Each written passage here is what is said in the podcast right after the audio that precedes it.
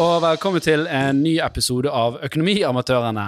En podkast om økonomi og annet omliggende fjas.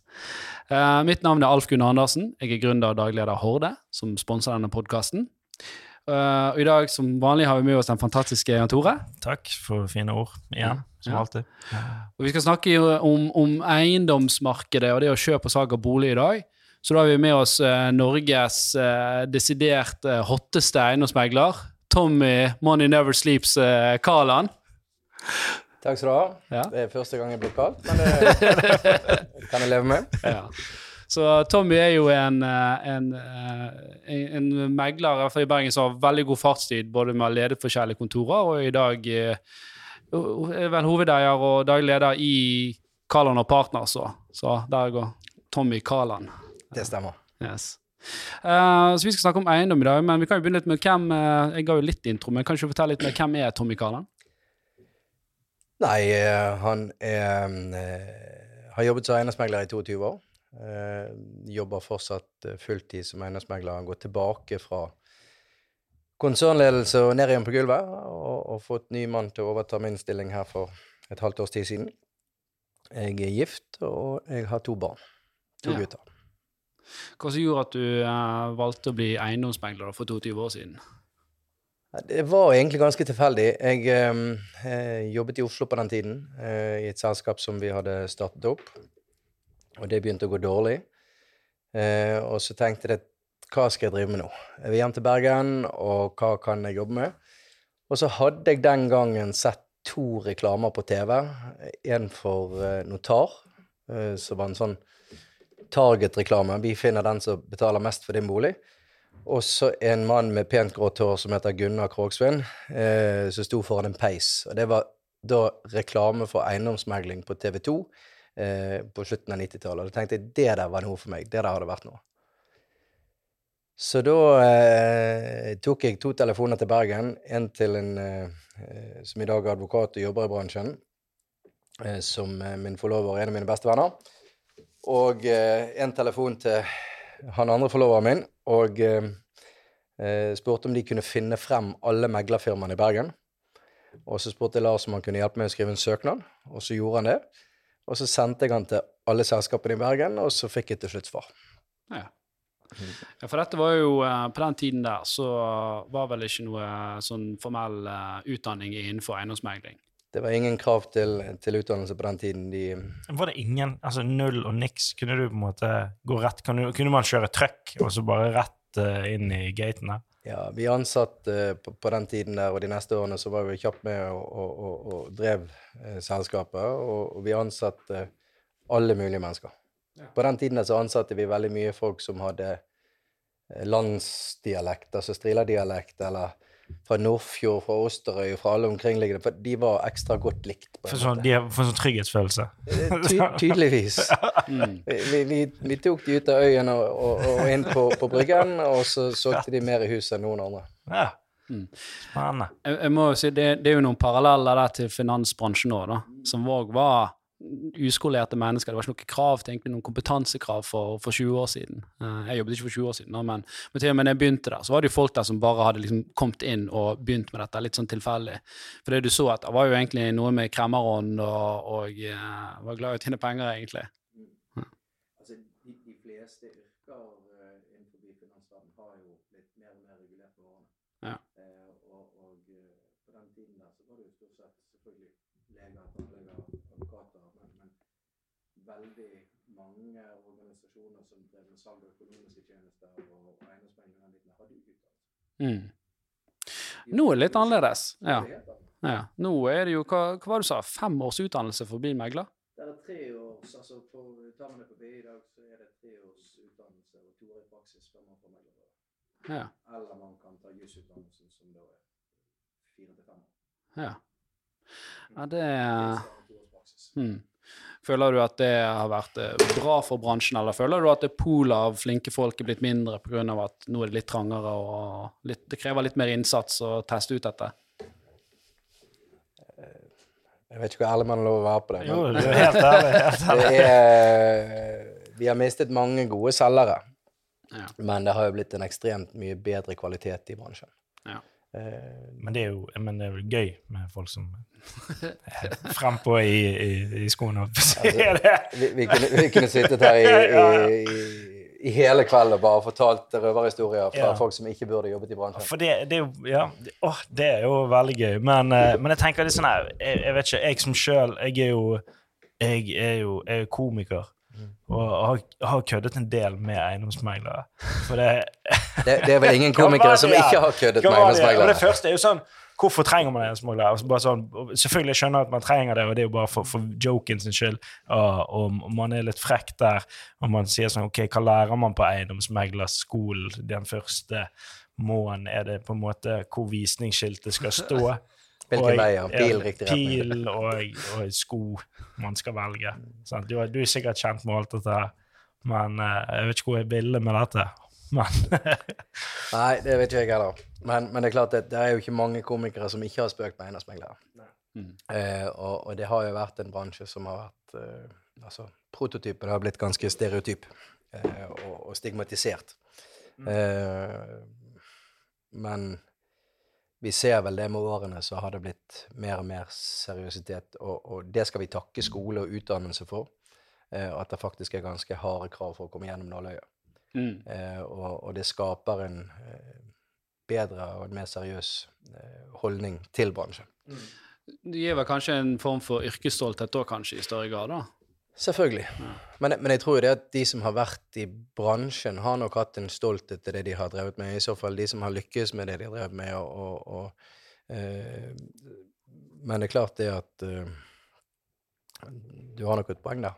Men jeg tenker sånn for, for deg og du som Det har vel vært noe sånn at de som har gjort det så og så lenge, de slipper å gå tilbake tre år på BI midt i karrierelivet og Ja, eh, nå kom vel regelverket i 2000 og Jeg tror du trådte inn i 2011. Ja. Så det er jo 10-11 år siden nå, eh, hvis det ikke var enda tidligere. Så det er klart at vi som den gangen hadde jobbet i 12-13 år, hvis vi skulle mistet jobben da, så hadde det vært litt spesielt. Ja. Men det var jo ganske mange på den tiden der som faktisk var dyktige meglere som solgte 100 hus i året, og som virkelig gjorde det bra, som ikke hadde to års praksis når reglene trådte i kraft. så De måtte de bare gi For de mistet jobben. Altså, det er jo skikkelig trist, egentlig. Og de kunne ikke bare, de kunne ikke ta opp igjen noe for å De kunne sikkert hive seg inn på BI, da. Tre år på skole. Ja. Så, så det var jo en del av eh, dagens meglere som måtte gjøre det, selv om de da hadde 16-17-18 måneders fartstid i bransjen. Mm. Mens vi andre som, hadde, som ikke hadde eiendomsmeglerutdannelsen på den tiden, vi måtte ta eh, fire eksamener. To juseksamener og en eiendomsmeglereksamen og et oppgjørseksamen. Mm. Det var litt spesielt å komme tilbake på skolebenken. jeg, jeg, jeg var sikker på at jeg kunne alt. Jeg kom inn, fylte ut og alt, så fornøyd, leverte fra meg prøven. Ja. Eh, men så hadde jeg jo ikke da korrekt oppstilling. Så alt som sto der, var riktig, men det hjalp ikke. Oi. Så, eh, men det var nå Det bare var ikke bred nok marg. Ikke bred nok marg. Ført inn riktig. Nei. Ok, men du, eh, Tommy, våre lytter er jo alle og enhver mann. sant? Og, og klart at alle og enhver mann er jo de som kjøper hus, og det er de som selger hus. Mm. Uh, så det er de sikkert interessert i. Det er jo eh, OK, hvis du skal uh, selge huset ditt, da. Hva er det eh, man ser etter i en skikkelig god megler? Er det det at det, uh, han kommer fra det og det firmaet, eller, eller er det veldig personbasert? Og, og hva personlighet ser man eventuelt etter, da? Det var jo et vidt spørsmål. Ja. Det, det, Hvordan velger du liksom, hvordan vet du om du finner en god megler? Er, for folk- jeg har jo litt inntrykk av at folk tar inn tre meglere, og så velger de den som gir høyest prisantydning. ja, og, og det er jo eh, i noen tilfeller fortsatt riktig. Ja. Eh, men det er klart det at det er også litt trist, fordi at veldig mange, og spesielt hvis man gjerne er, er, er unge og nye meglere og er litt usikker, så tenker man det at man stiller litt bak i, rekken. Så her legger vi på litt på prisen, og så virker vi overbevisende på det, og så håper vi på å få oppdraget. Eh, og det som skjer da, er jo at kunden eh, annonserer boligen min for høy pris, får ikke folk på visning, og ødelegger på mange måter muligheten for å få den gode budrunden som de ellers kunne fått. Kanskje til over det som er, er prisforlangende også. Så det er klart at valg av riktig megler i forhold til å ha en seriøs megler som gir de riktige rådene, som sørger for å prise eiendommen riktig, eh, kan gi utslag på mange, mange hundre tusen. Mm. Eh, og så er det klart at eh, meglerfirma har jo mye å si. Jeg ville jo eh, Jeg er jo inhabil sånn sett, men, men det er klart at det er litt forskjeller på produktene til de forskjellige selskapene. Eh, og det som jeg mener kunden, selgerne, boligselgerne der ute må spørre etter, det er hva som skiller deres markedsføring ut fra resten. Altså selskapets markedsføring. Ja, Vi kan jo ta litt det der, da, for det, du har jo konsepter i dag som disse billigkonseptene, Himla Mm. blant annet, og jeg tror vel DNB har begynt noe sånn der eh, selg sjøl, eller samsolgt, det er vel det heter, Ja. hvor du kan selge for 30 000 ish, som er betraktelig mye billigere enn gjerne en tradisjonell megler, men uh, også de argumenterer for er veldig bra. Hva er liksom, Når er det riktig og det, og når er det feil, og hva er, hva er forskjellen da på Hvorfor skal en vanlig person betale 100 000 istedenfor 30 000? Nei, altså, det, det er ikke noe grunn til å betale 100 000 hvis du får like høy pris for boligen Mm. eh, for 30 000. Da ville jo jeg ha valgt det rimeligste alternativet. Mm. Men, men det som vi stort sett ser, er jo det at uten å nevne navn på hvilken type selskap, men i fjor så tok vårt selskap over 57 oppdrag som andre billigmeglere ikke hadde klart å selge, og solgte de til samme pris eller høyere enn ved budrunder. Så, så det er klart at eh, markedsføringen i dag Altså, alle vet jo at markedsføring er viktig. Eh, og alle vet at går du inn på finn.no, så finner du alle boligene som er for salg i Bergen. Mm. Men det er ikke alle som vet at de er på jakt etter en bolig. Og, og det er jo der den nye teknologien i forhold til eh, datastyrt, algoritmestyrt markedsføring, hvor vi er ute og finner den som vi mener er kjøperen til boligen, gjør de oppmerksom på det, som gjør at de faktisk kommer på visning. Så du trigger en person som ikke vet han trenger bolig i dag, til å Eller hun. Så trigger de til å si at oi, shit, dette var jo kanskje noe som hadde vært det i blinken for oss. Det er korrekt. Hvis, hvis du ser for deg at du eh, bor i en enebolig, og, og la oss si du bor i en enebolig i Bergen vest, så er nabohuset ditt til salgs. Det nabohuset ligger, det, den boligen ligger bedre til. Eh, du har ofte tenkt at åh, der skulle jeg bodd. Men du er jo ikke på boligjakt, for du trives veldig godt der du er. Ergo så er ikke du aktivt inne på finn.no og ser om et av de husene i gaten din kommer til salgs. Mm. Ergo så kjøres visningen, budrunden, og boligen blir solgt uten at du får det med deg. Mm. Men hvis vi kjører en, en algoritmestyrt markedsføring hvor vi annet sier at vi skal treffe alle i gaten her tre ganger hver i løpet av den neste uken, og informere om at om to uker så kommer den boligen for salg, så vil du bli klar over det. Og om ikke du er kjøperen, så kan det være at du ringer til en venn av deg og sier Ja. nå er nabohuset til salgs. Ja. Og det gjør at vi får en, en eller to eller tre eller fire ekstra, som gjerne er den som er mest betalingsvillig, og en av de to som er med på de siste 500 000 i budrunden. Mm. Og ved å bruke da 10 000, 20 000, 30 000 ekstra på en god markedspakke, kontra bare ligge den ut på Finn som koster 1700 kroner, eller et par tusen kroner, eh, så har du plutselig et par hundre tusen mer for boligen.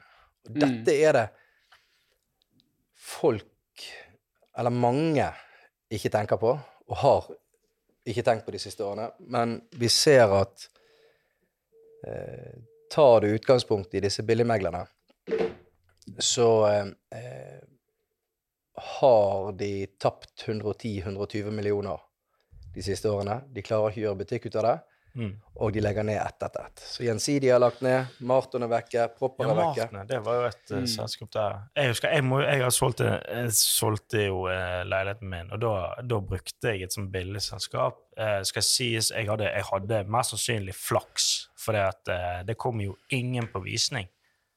Eh, og, og han som holdt visningen, jeg, når jeg kom tilbake igjen inn til, til leiligheten og spurte hvordan det gikk, så sa han det kunne nesten ikke gått dårligere. så sa jeg, hva, hva mener du med det? Nei, det var noen som stakk hodet inn. Så sa jeg å ja, ja, var de giret på å gi inn et bud? Noen som tilfeldigvis kom inn der. Men, jeg, men da, merket jo det at ok, dette kan bli eh, litt stress. Men det skal jo også sies at det var jo en, en veldig, veldig billig leilighet. Så derfor så er det jo på en måte OK, vil du si at eh, på sånne billige boligobjekter så kan det være Da tenkte jo jeg OK, siden leiligheten er veldig billig, så gidder ikke jeg å bruke ligge mer penger for å få den solgt. Mm. Altså, jeg tenker jo det at eh, man, når man selger en, brukt, en billig brukt bil, så trenger ikke jeg å gå til Sandven for å få den solgt.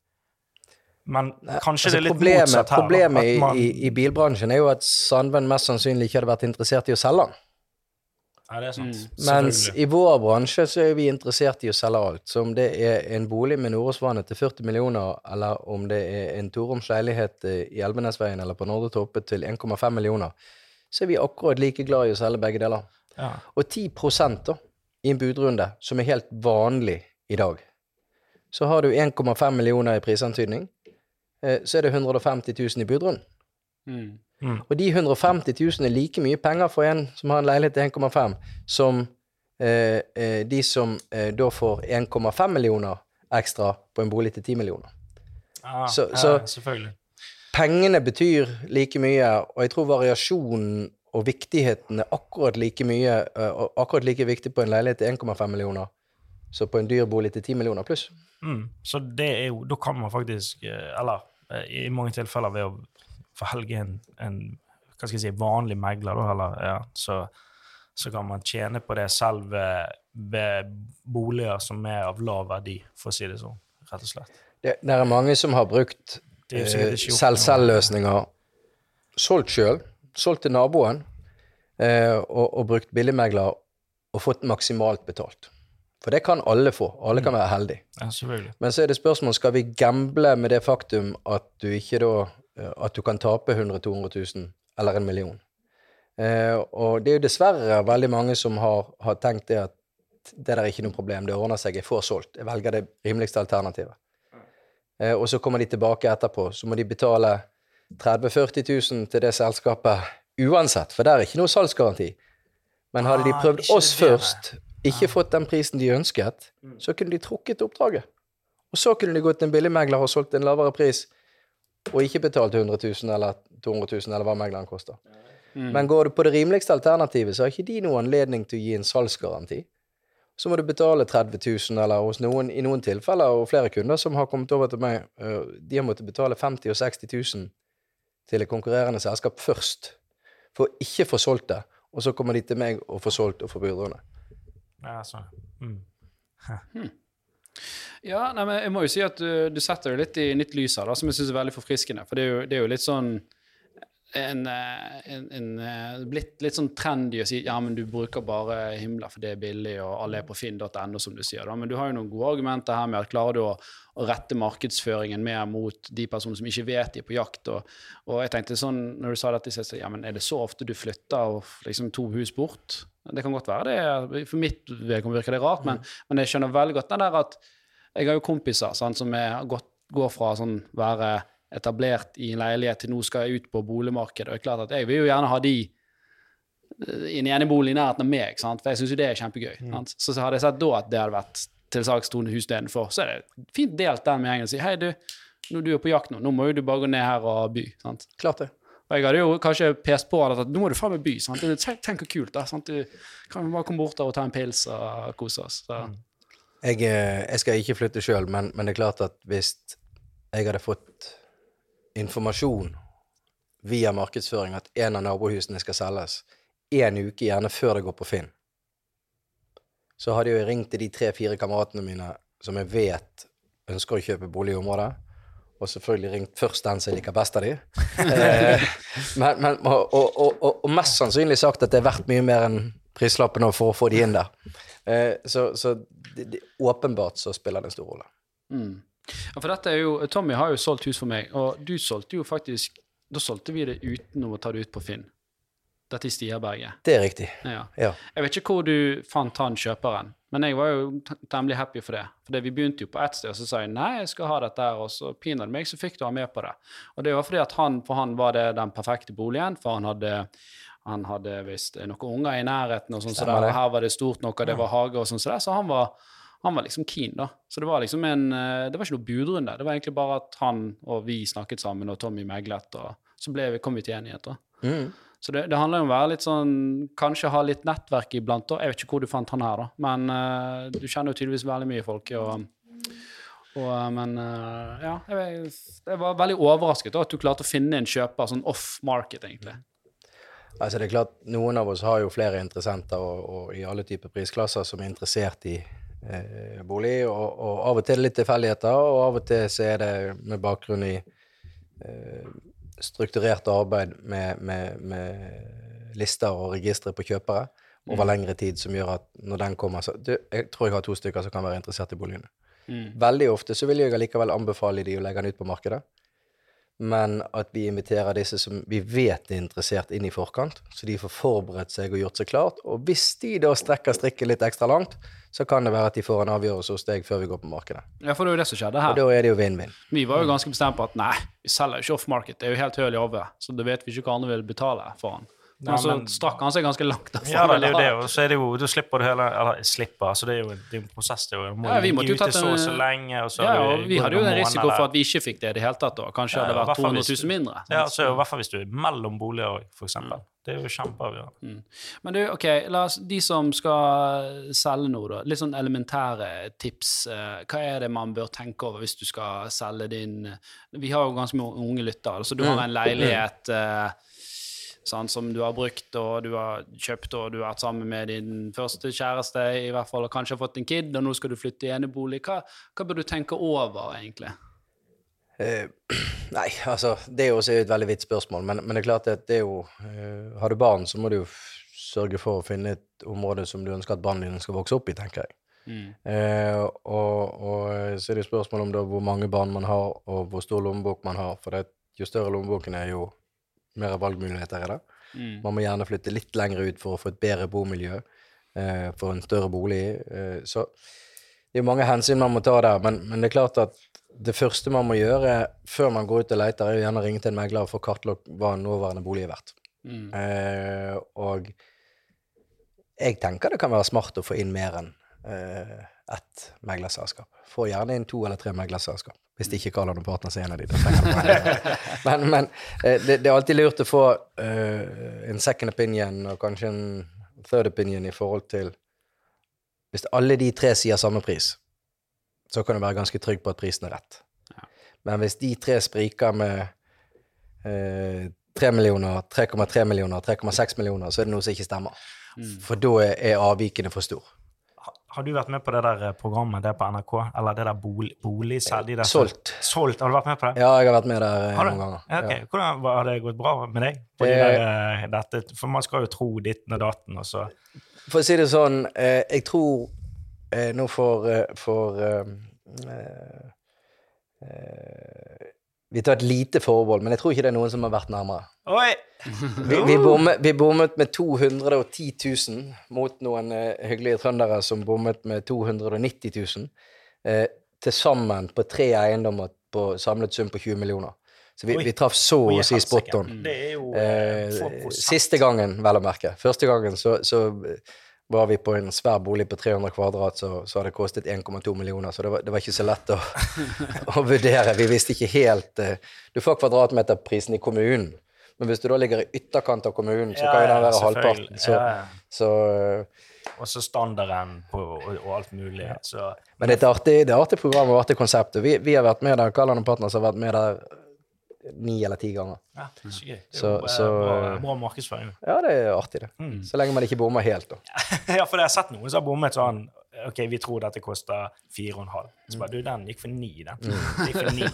Dere bommet cirka Ja, men du blir vel sendt til et sted i landet hvor du ikke er kjent, sant? Det er ikke det som er greia litt, da? Det, det er korrekt. hadde du vært her i Bergen, så hadde du truffet ganske spot, sikkert. Da hadde du truffet spot on. Men, men det er klart at eh, noen ble jo sendt herfra. Eh, Min eh, eh, gode venn Dag Jonny Johannessen i Z-megleren, han ble da sendt når han jobbet i DNB til Spania. Eh, og jeg tror han bommet med 12 millioner på en eiendom der. Sant? Så, det, det, han, han er ikke en dårlig eiendomsmegler av den grunn. Det, det, er det er vanskelig å, å vurdere i områder du ikke det, det er derfor, og dette er kanskje et viktig poeng, at meglere med lokal kunnskap, kunnskap til lokalområdet, eh, det er kanskje det viktigste man bør si etter når man velger megler.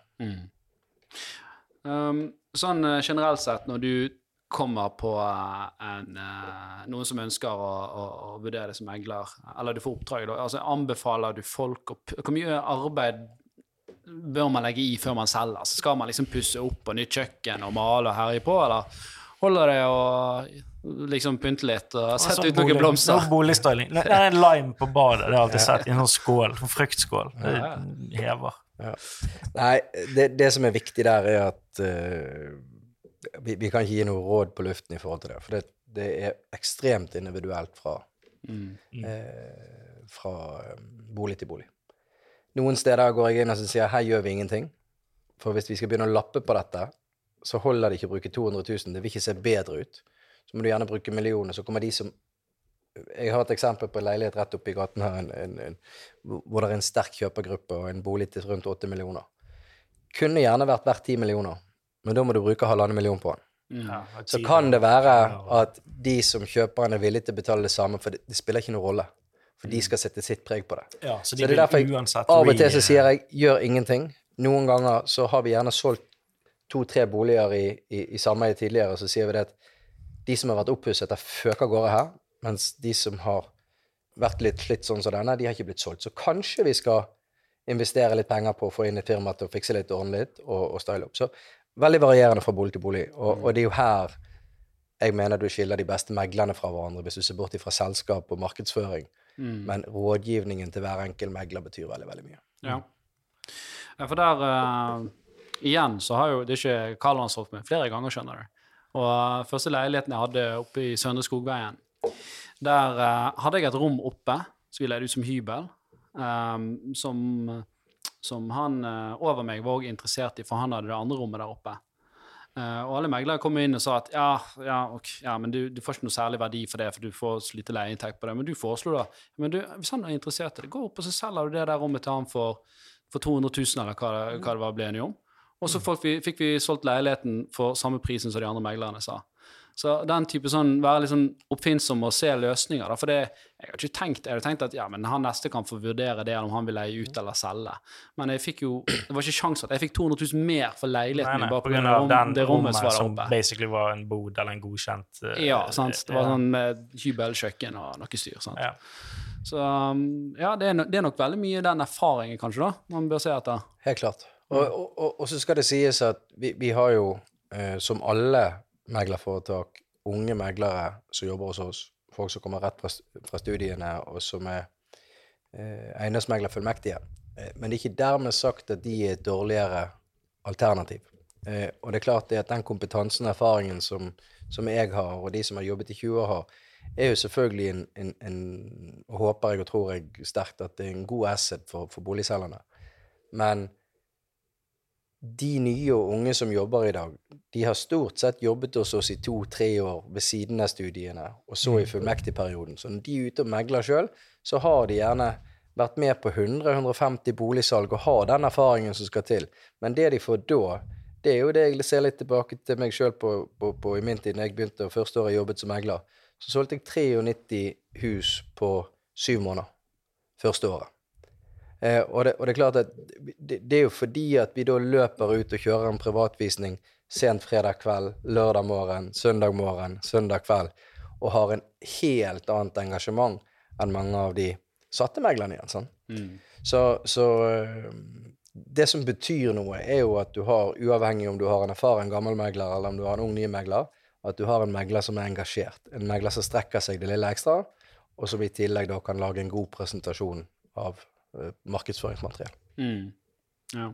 Ja, det husker jeg. Det, var, det er litt viktig med de bildene. i hvert fall. Men det er jo det er vel noen eksternt, så, men det er jo hvem man bruker sikkert eksternt for å ta de bildene. Og jeg tror denne fotografen som jeg fikk i den, jeg tror de kom inn med et engangskamera og bare tok noen, eh, noe raskt der. Det gikk fort, i hvert fall. Når vi satt ute på Bryggen Bryggen og jobbet for, eh, for 20 år siden, så, så eh, var det jo ikke noe eh, Det var ikke noe finn.no.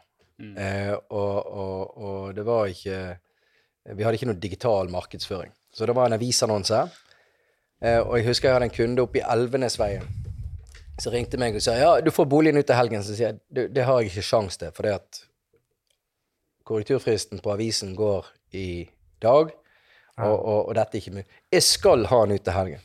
Så jeg kjørte bilen opp på i Elvenesveien, opp, og det pøsregnet, det var stummørkt ute. Kjørte langlysene på fasaden, så tok jeg bildet ut, eh, ut vinduet eh, med, med sånn eh, foto eh, timefremkalling på Fotoknutsen. De de var åpne til 20.00 der borte. Inn, fikk ut de der bildene, og bort og limte de på. Ja. Og kopierte de opp, og det så litt skjevt ut. Og det var det som krevdes den gangen. Altså, før så måtte vi liksom og, og før min tid igjen, men går vi 30 år tilbake, eh, så måtte du liksom inn og banke på i banken og stå i rett og lure på kan jeg være så snill å få komme på visning på den boligen. Mens nå driver vi med markedsføring som er ute og henter de som ikke engang visste at de er interessert, inn på visning og selger boligen til dem. Så, så det er helt snudd om. Ja, det, dette setter jo òg mye mer press på den som selger. For jeg husker jo eh, eh, fra, Bare fra da jeg første gang jeg kjøpte og solgte, så var det veldig få som brukte stylister. Til nå er det sånn Nå bruker du stylist, liksom. Det, det, var, et, det var et helvete å selge den siste leiligheten. Sant? For du må, vi hadde lite barn, og det skulle være stylist sånn og sånn, og det kom bilder, og fire visninger, og du måtte rydde ut livet ditt liksom fire ganger for å for, å, for disse visningene. da. Så, men det virker som det er liksom bransjestandard nå, da, at du bør style Boligstyle det. style det. Ja. Ja.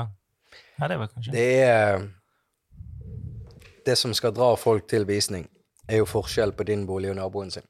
Denne ser bedre ut. mm. Og de kan være helt lik.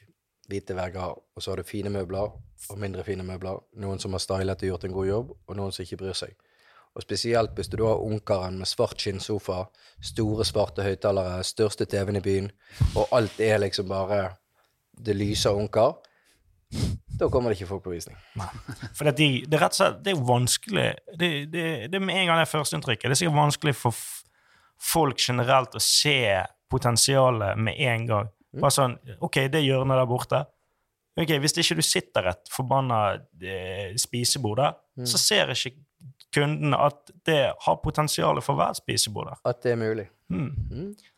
Nei, det er sant. Men det er vel veldig mye sånn less is more generelt sett eh, når det gjelder eh, sånt, ikke sant? Jo, altså det har jo vært det, men, men det, jeg føler jo det at stylisten er blitt mye flinkere til å nærmest skape feelingen av et hjem. For før var det hvite vegger, alt sterilt, alt vekk, vekk med personlige bilder. Jeg er helt uenig. Så lenge du ikke har bilder du som er private, som du ikke ønsker å vise, men, men fine bilder av barn, barnebarn, bryllupsbilder, jeg syns det skaper en, en, en koselig atmosfære. Så, lenge ikke, så lenge du fortsatt kan se veggene, da, at det ikke bare er bilder. Sant? Men en fin balanse eh, Ja, jeg foretrekker det. Goodie. Um, er det, Jeg- Bare ett sånn at, Det er jo noen triks man, man eh, sikkert kjører, og du vet sikkert om alle triksene i boken når det gjelder uh, bilder. Jeg, jeg syns det er litt interessant. Jeg husker uh, når jeg solgte leiligheten min, så, så var det en som sa at det var en megler som sa til meg at uh, innpå Jeg hadde ganske lite uh, soverom. Har du Bibel i nattbordet? Nei, nei, jeg hadde ikke nattbord, for det tok opp gulvplasser. okay. Og det var der også. Jeg hadde, eh, jeg hadde to enkeltsenger sammen som en dobbeltseng. nå. Så sa han det du gjør nå, nå bare ta, ta den ene enkeltsengen der, hiver den ut, så rer du den ene enkeltsengen opp som en dobbeltseng. Sånn at på bildet så får du mer gulvplass, sånn at det ser større ut. Jeg tror det var sånn på visning òg. Så denne 90-sengen så jo ut som en 180-seng på det der bildet. Det, det funker tydeligvis, da. Og det er jo ikke lureri, for når de kom på visning, så var det jo den sengen som sto der. ja. Det som, jeg, det som jeg opplever, er jo det at i dag er det mange som kommer på visning og sier det at åh, her var det faktisk veldig sånn som vi, vi, vi følte det på bildene. Men jeg har liksom alltid følt at det har vært så mye større med vidvinkel. Ja. Men det vi har oppdaget, er jo det at hvis vi får 15 stykker til å komme på en visning, og se bort ifra koronatid, for nå kommer ikke folk sammen, men, men i, før, i, før i tiden og, og de foregående årene så har det vært sånn at du setter opp visning en time, og så kommer det 40 stykker inn. sant? Og hvis halvparten av de går og er misfornøyd, for det ser så mye mindre ut enn det de i utgangspunktet var, Mm. så kan det være at én av de fortsatt er interessert i leiligheten. Og da kan du være sikker på at vedkommende går og snakker høyt om hvor lite det er her. sånn. Mm. Eh, det og, og det skaper en en negativ synergi negativ på- synergi ut på de andre. Ja. Så tenker jeg, og var kanskje lite her? Ja. Ja. Jo, nei, det var, nei, nei, dette dropper vi. sant? Så det, jeg, jeg sier det at hvis vi klarer å akkurat få, få folk til å komme på visning, og gi dem en positiv over, uh, altså overraskelse eh, Positiv eh, forventningsbrudd. ja, og, og, og at de, de, de blir positivt overrasket når de kommer. Tenker wow, dette var faktisk enda bedre enn jeg trodde. Ja. Da har du lykkes. Mm. Og hvis de da går rundt og sier det høyt, så smitter det over. Selvfølgelig. Og så får du flere som hiver seg med i budrunden. Ja. ja, for da virker det jo som at her er det, her er det en god deal man kan gjøre. Mm. Ehm, det er jo mange som eh, investerer i bolig òg. Ja. Er det mange kjøpere av det, syns du, på markedet? Har du sett en trend med at flere og flere kjøper for å investere og leie ut eller pusse opp?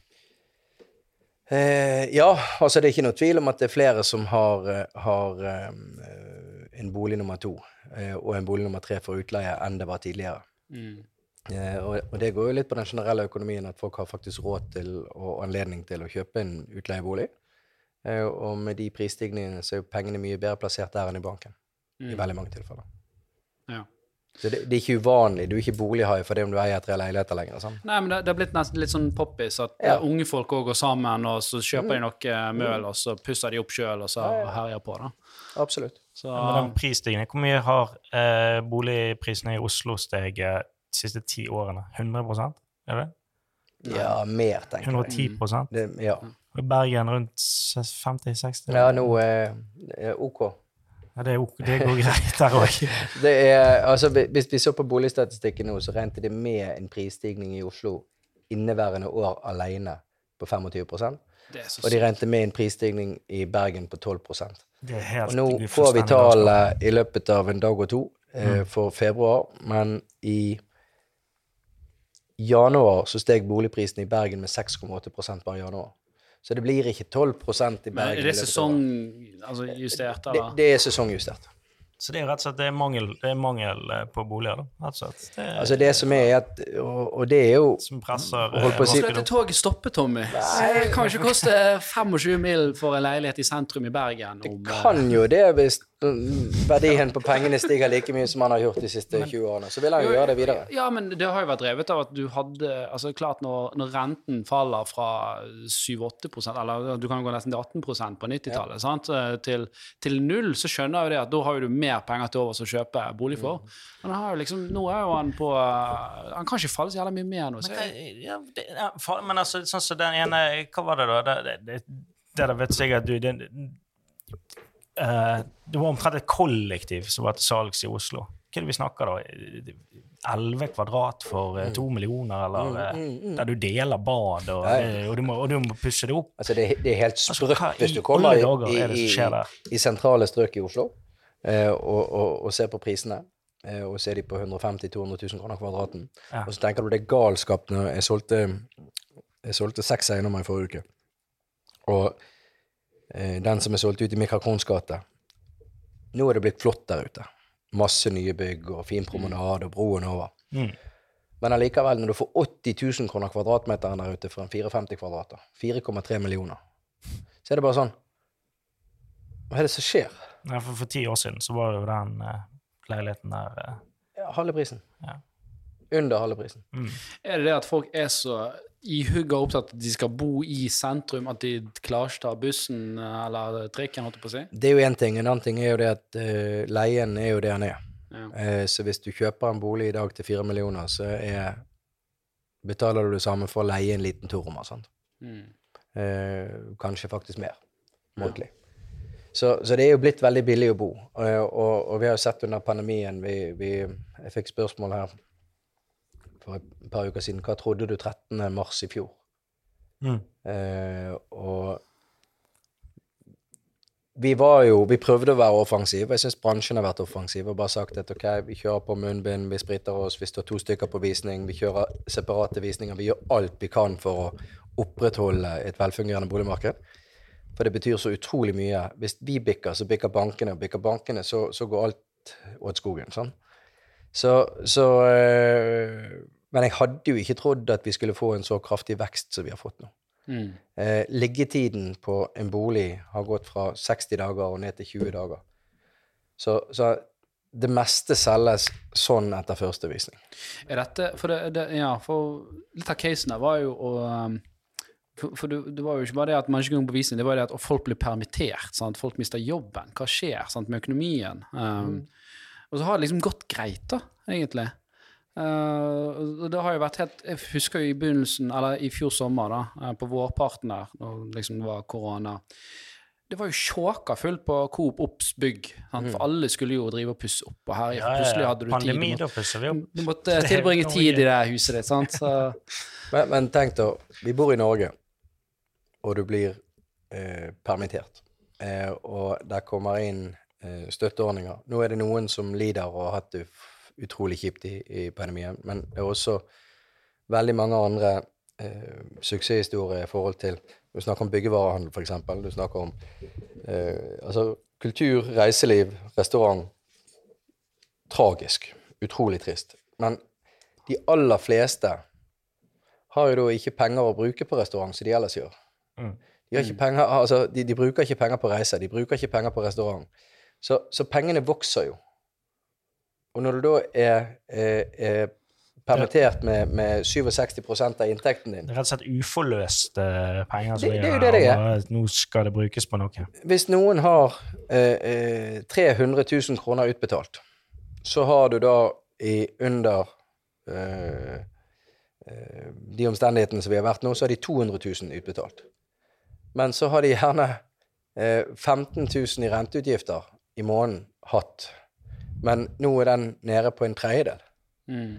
Så, så de har faktisk mer å rutte med, og ingenting å bruke penger på. Da stikker folk på byggevarehandel og kjøper nye terrassebord. Ja, det er sant. Det brenner her. altså Eller kjøper seg en bolig til. Ja. Eller kjøper seg opp. Eller kjøper seg en ny bil. Mm. For det er ikke så mye annet å bruke penger på. Så bilindustrien har gått bra, og eiendomsindustrien har gått bra, og byggevarehandel Så, så der, er, der er noen som Folk er blitt mer materialistiske. Ja, Ja, eh, kanskje. kanskje.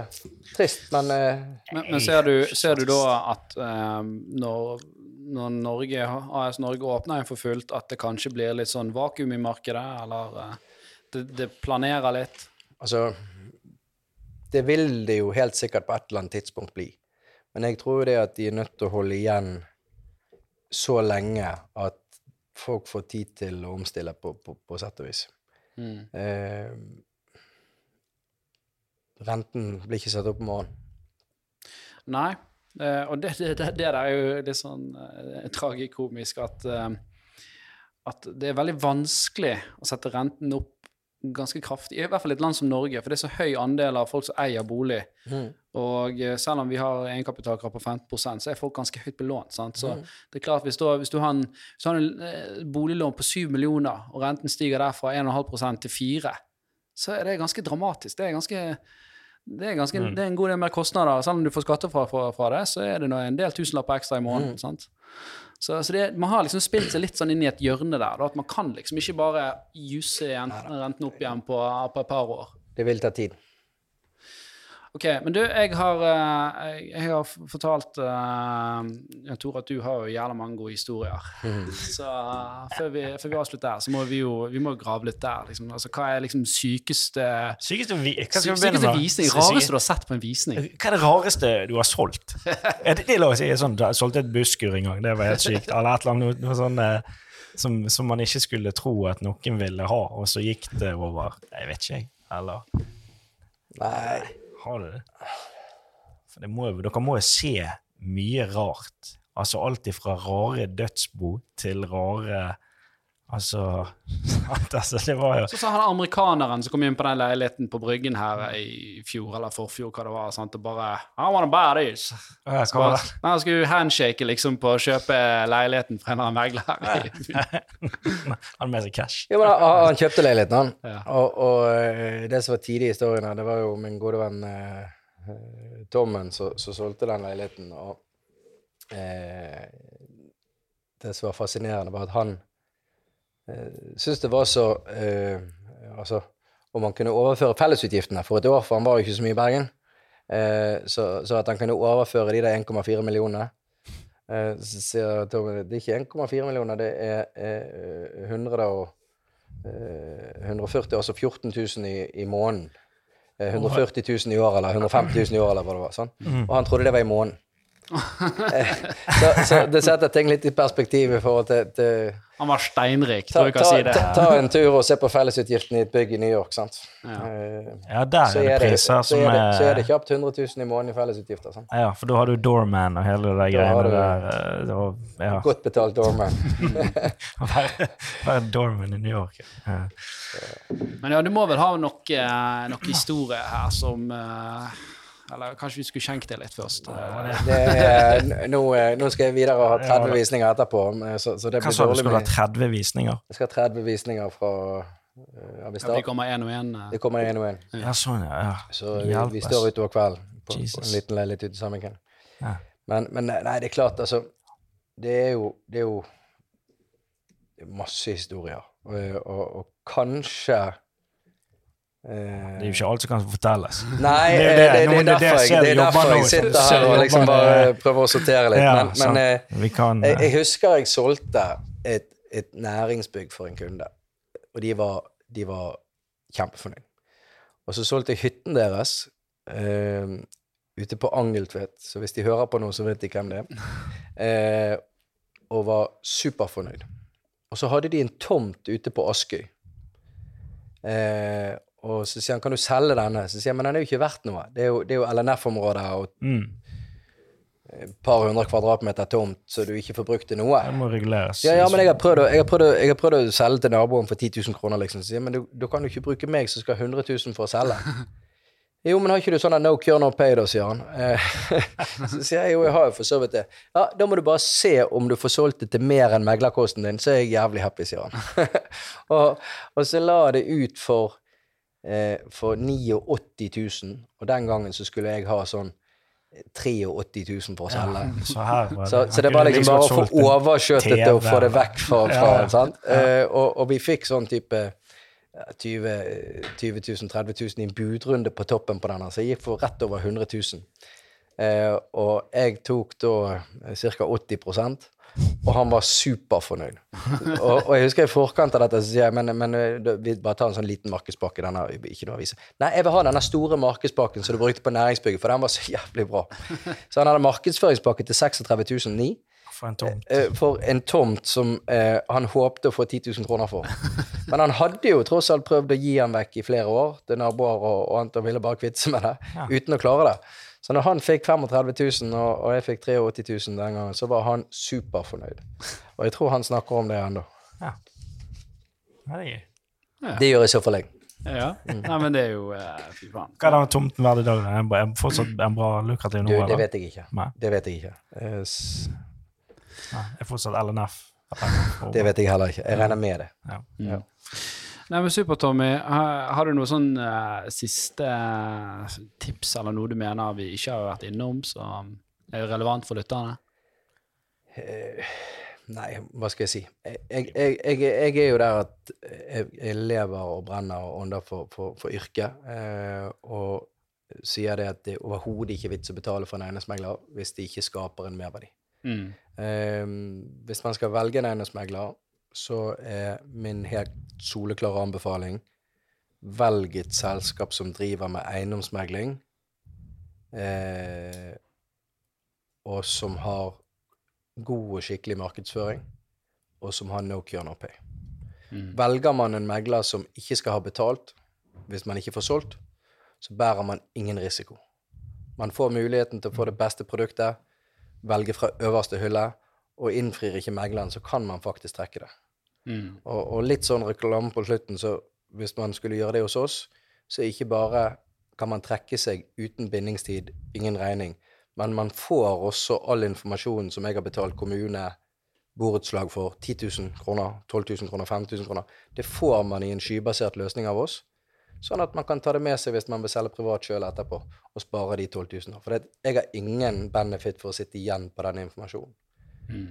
Så jeg tenker det at jeg har solgt mange ganger sjøl, og, og, og kan ikke bruke egne selskaper. Jeg har alltid da gått til et annet selskap, og så sier det at ta det du skal ha, men jeg skal ha no cure, no pay, og jeg skal ha den beste markedsføring.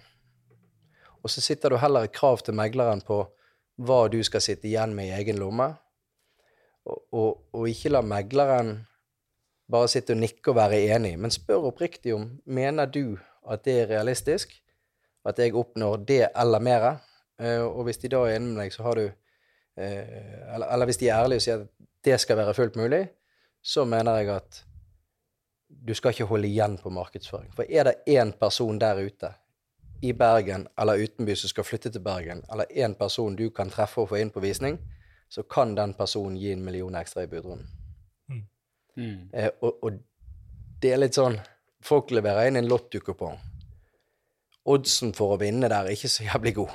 Mm. Men det å bruke noen kroner ekstra på markedsføring, det er det faktisk ganske stor sannsynlighet for at du får igjen for. For å treffe en vesentlig større bredde. Og, Helt klart. Ja. Jeg synes Det var kanskje et av de eh, beste tipsene synes jeg, det, som jeg ikke tenkte over, egentlig. For jeg har tenkt jo ja, men alle er jo på Finn. Men eh, ja, de folka som ikke vet de skal selge, og treffe de Ikke mer om de skal kjøpe, men om kanskje at de har en kompis Ja, som de som kjøper ikke vet de skal kjøpe. Ja. Altså, Altså Hvis man skal komplisere det litt, og sånn avslutningsvis, så er det klart at det som er viktig i dag når man skal treffe en, en, en kjøper av bolig, det er datagrunnlaget man sitter på. Mm. For hvis Per og Kari og Ole har vært og sett på toroms leiligheter i Sandviken, alle tre, og så går Per og Kari inn og ser på en toroms leilighet i Sandviken, men ikke Ole, da går det automatisk beskjed, mail til Ole. 'Hei, hva skjer? Du har ikke fått med deg denne.' Så den måten og den kunnskapen å da styre markedsføringen av en toromsleilighet til de som faktisk skal kjøpe en toromsleilighet, Mm. den er, er ganske unik. Eh, og, og, og har man da eh, Skipsted som en av leverandørene på dataprogram på, på eh, eller på, på, på datavarer på Boost, som er et av deres digitale produkter, som vi har sydd sammen med våre egne, så har man 98% av alle boligkjøpere i Norge Mm. inne i, Mm. i, i måten man presenterer markedsføringen på. Ja, og så skal man liksom alltid sånn snakke om personvern, men det er jo klart at det er jo, altså I dette tilfellet her for Ole så er det åpenbart bedre at han får vite om denne her potensielle leiligheten da, og ta stilling til det, enn at han skal vifte personvernkortet. Sant? For det er klart at eh, det kan være drømmeleiligheten han går glipp av. Men, men det er ikke personvern, for det er ikke sånn at det går en mail inn i innboksen hans. Det er sånn at neste gang han går på VG, eller neste gang han går på BT, eller neste gang han går inn i et eller annet media, så kommer den boligen opp som han er ute etter. Mm. Sånn at uh, GDPR-en er uh, hensyntatt og ivaretatt. Cool. Det, du kan ikke si det. Nei, jeg skal ikke si det. jeg er for gammel. Nei, men Tommy, tusen takk for at Ja, du tok deg tid til å sitte her og prate med oss. Uh, vi ble veldig mye klokere uh, om hvordan meglerbransjen er, og hva en, en god megler skal være. Mm. Så ja. Hvis du uh, hører på podkasten og liker det, subscribe. Følg oss på Instagram eller TikTok, og sjekk ut Karland og Partners hvis du skal selge bolig i Bergen. Eller er dere andre steder òg? Eh, Bergen-Voss. Bergen og Voss. Mm. Nei, men greit. Takk for yes. oss. Takk for Hei. oss. Takk.